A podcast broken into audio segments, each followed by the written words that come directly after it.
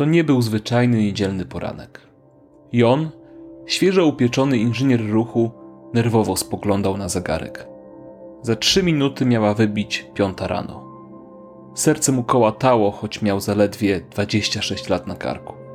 Trudno powiedzieć, czy był to wynik nadmiaru kofeiny, czy tego dziwnego uczucia, połączenia ekscytacji z trwogą, na minutę przed wydarzeniem, na które on, jak i cała Szwecja czekali od kilkunastu lat. Był 3 września 1967 roku. 5, 4, 3, 2, odliczanie umilkło i on usłyszał w radiu głos Olof Palme, ministra komunikacji. Klockan är nu 4.50 och jag överlämnar ordet till generaldirektör Lars Sköld. To bardzo duża zmiana w naszym powszednim życiu, naszej codziennej egzystencji. Oczywiście mieliśmy olbrzymie wątpliwości, jednak wrodzona obawa przed fundamentalną transformacją naszej codziennej rutyny ustąpiła przed reformą, która, jak jesteśmy przekonani, przyniesie wiele korzyści. I on wyjrzał przez okno i zamarł. Niegdyś ruchliwa ulica stała teraz zablokowana przez dziesiątki samochodów i tłumy zdezorientowanych przechodniów. Czy decyzja była błędna? Czy kraj był gotowy na tak wielką zmianę?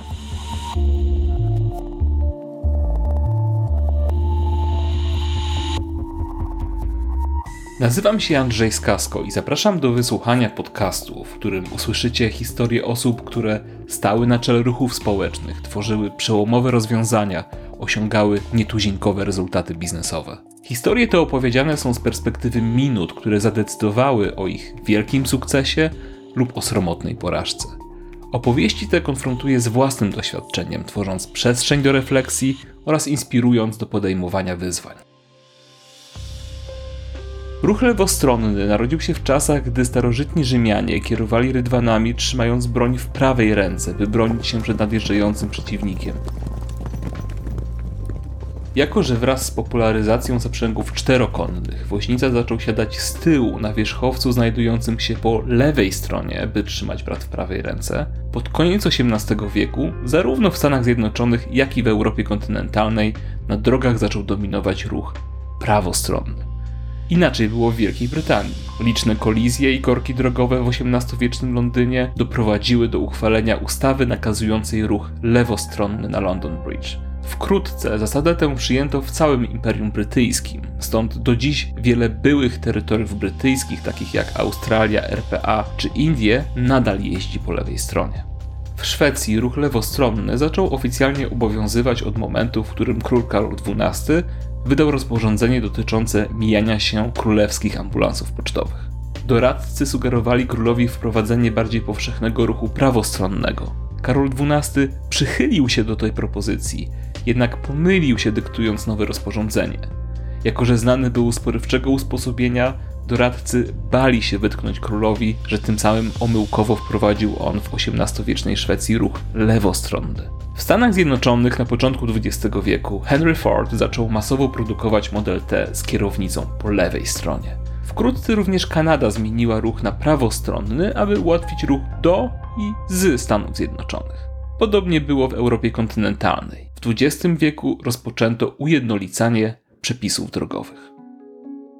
Szwecja była ostatnim państwem Europy kontynentalnej, które nie wprowadziło ruchu prawostronnego. Pomimo, że 90% samochodów w kraju było dostosowanych do jazdy po prawej stronie, kraj ten przez lata przechodził mękę decyzji o zmianie organizacji ruchu. W kontrze do obowiązujących zasad drogowych, wielu Szwedów posiadało samochody z kierownicą po lewej stronie, gdyż Volvo i inni szwedzcy producenci samochodów dostosowywali produkcję do trendów ogólnoeuropejskich, a sami Szwedzi często importowali samochody z krajów, gdzie obowiązywał ruch prawostronny. Statystyki wskazywały, że mogło być to przyczyną wzrostu liczby śmiertelnych wypadków drogowych. W roku 50 było ich 595, a w roku 66 już 1313. Najwięcej kolizji miało miejsce wokół granic z Danią, Finlandią i Norwegią. Mimo to organy publiczne były podzielone co do konieczności zmiany organizacji ruchu, obawiając się astronomicznych kosztów wprowadzenia nowych zasad. W związku z tym ówczesny minister komunikacji Sven Andersson zaproponował w 1955 roku ogólnokrajowe referendum w tej sprawie. Niestety, aż 83% społeczeństwa okazało się być przeciwne zmianie. Do akcji wkroczył premier Toge Erlande. Postanowił on otwarcie nie zgodzić się z wynikami referendum i przełamać status quo. Polecił kolejnemu ministrowi komunikacji, Josta Skoglund, zgromadzić więcej argumentów za koniecznością zmiany. Jednak partie polityczne wciąż były podzielone. Domagano się ponownego referendum. Premier Erlande nie poddał się naciskom. Uznał, że poprzednie referendum ma charakter wyłącznie doradczy. 10 maja 1963 roku szwedzki parlament zatwierdził, że w ciągu czterech lat Szwecja przejdzie na ruch prawostronny. Architektem zmiany został charyzmatyczny urzędnik Lars Held. Po ukończeniu prawa na szwedzkim uniwersytecie piął się po szczeblach kariery w hrabstwie Kronenbergs, by w wieku 38 lat zostać szefem Wydziału Komunikacji.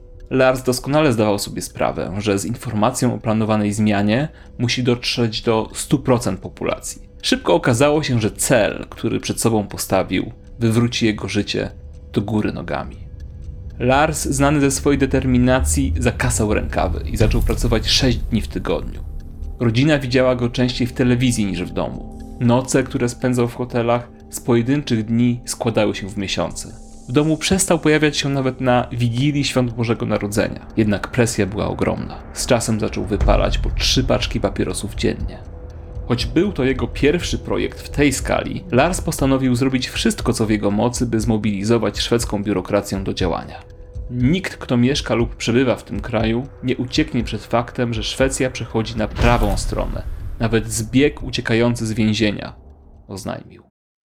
Zespół kierowany przez Larsa zaangażował psychologów do badania kierowców i pieszych oraz inżynierów ruchu do analizy tysięcy kilometrów jezdni. Kampania informacyjna obejmowała reklamy telewizyjne, radio i prasę. Dzień, który miał zmienić szwedzką rzeczywistość, nazwano Dagen H od szwedzkiego Hygetrafik, czyli ruchu prawostronnego. Dzień H otrzymał własny logotyp umieszczany w reklamach, na kartonach na mleko czy nawet na bieliźnie. Odbył się nawet konkurs na utwór promujący Dagen H, w którym zwyciężyła piosenka Trzymaj się prawej strony Svensson, która wykonana przez The Telsstars doszła do piątej pozycji na szwedzkiej liście przebojów.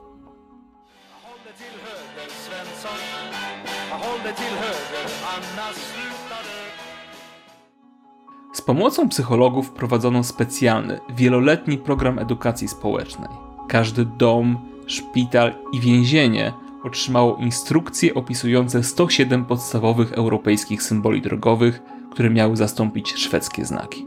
Wydrukowano broszury w dziewięciu językach od portugalskiego po serbsko-chorwacki. Dokonano też zmian w organizacji i infrastrukturze komunikacji zbiorowej. Przebudowano przystanki oraz zakupiono i zmodyfikowano tysiące autobusów. Na skrzyżowaniach zamontowano nową sygnalizację świetlną i znaki drogowe.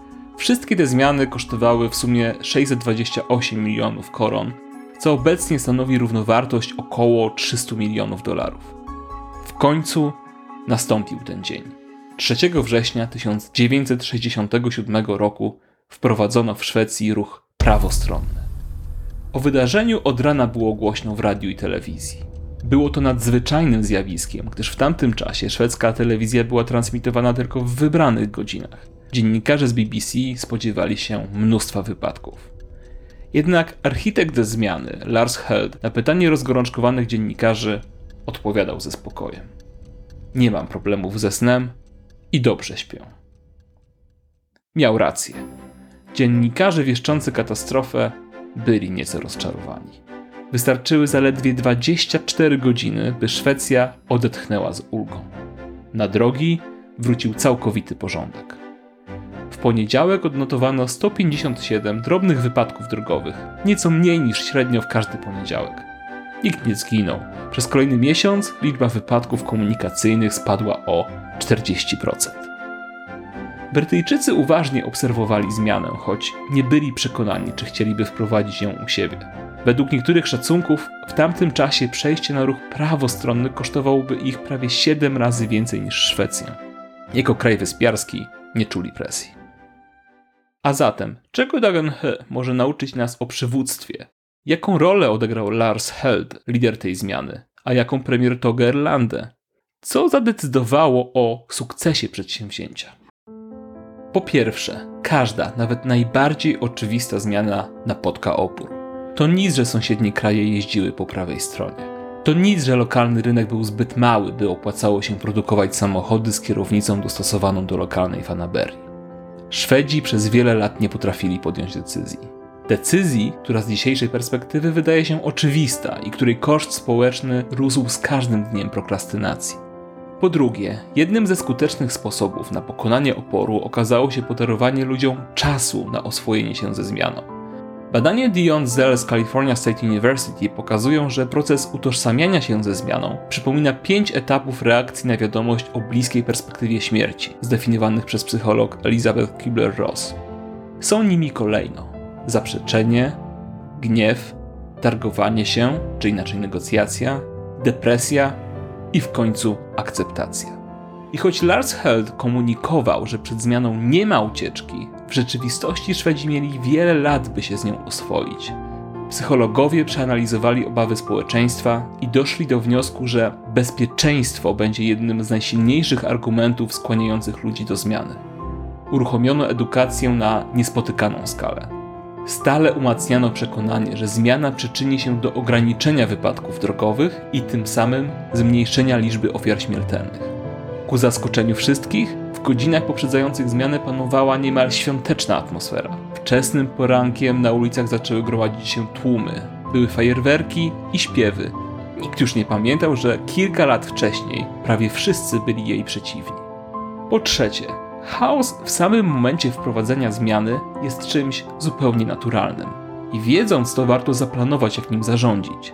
Tego dnia, dokładnie o 5 rano, cały ruch uliczny się zatrzymał. Następnie, powoli i ostrożnie, kierowcy i rowerzyści ze wsparciem służb drogowych przeprowadzili swoje samochody, motocykle i rowery na drugą stronę. Jak określił to magazyn Time, był to krótki, ale monumentalny korek. Tego samego dnia, mimo kilku drobnych wypadków, nikt nie zginął. Dobre planowanie pozwoliło w ciągu 24 godzin zapanować nad chaosem na drogach. Po czwarte, zmiana nie kończy się w dniu jej wprowadzenia. Wręcz przeciwnie, jest to dopiero początek procesu jej utrwalania. Na szwedzkich drogach rozmieszczono 130 tysięcy znaków Dagenhö przypominających o nowych zasadach. Kierowcy otrzymali naklejki ze znaczkiem H umieszczanym na przedniej szybie i na desce rozdzielczej. Szwedzki rząd rozdał kierowcom tysiące par rękawiczek. Lewe były czerwone, a prawe zielone. Dzięki temu kierowcy szybko wyrobili sobie nawyk jazdy po właściwej, zielonej stronie drogi. I wreszcie po piąte, Dagen He ukazał częsty problem samotności lidera. 83% społeczeństwa opowiedziało się przeciw zmianie status quo. Partie polityczne nie mogły dojść do porozumienia, ale Toge Erlande potrafił powiedzieć: Nie zgadzam się z wami. A że był odważnym i skutecznym premierem, potrafił zbudować konsensus i wcielić go w życie pomimo wielu krytycznych głosów. Lars Held mocno odczuł tę zmianę w życiu rodzinnym, ale sukces rodzi sukces i kiedy w 1968 roku powstała szwedzka Agencja Bezpieczeństwa Transportu, Lars został jej pierwszym dyrektorem generalnym. Poproszono go o pomoc w zaprojektowaniu i nadzorowaniu islandzkiego odpowiednika Dagenhö. Tak zwany Dagurin z sukcesem wdrożono na Islandii w niedzielę 26 maja 1968 roku. Następnie Lars pracował nad zmianą ruchu drogowego w Tanzanii, Kenii i Ugandzie, czyli dawnych koloniach brytyjskich.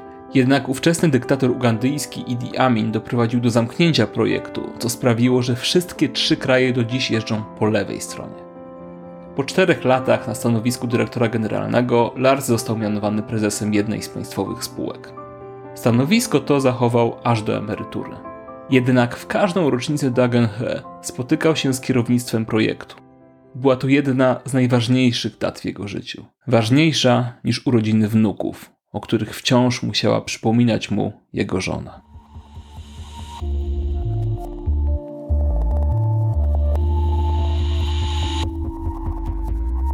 Osiemdziesiąt trzy procent. Tyle samo wynosiły udziały Kodaka w rynku aparatów fotograficznych, gdy w styczniu 76 roku Steven Sasson modlił się przed wejściem na salę konferencyjną. W ręku trzymał coś, co przypominało duży, niezgrabny i ważący prawie 4 kg toster. Historię tę usłyszycie w następnym odcinku Minuty, która zaklina rzeczywistość. Serdecznie zapraszam na minutapodcast.pl oraz do subskrybowania, obserwowania i komentowania podcastu na najpopularniejszych platformach.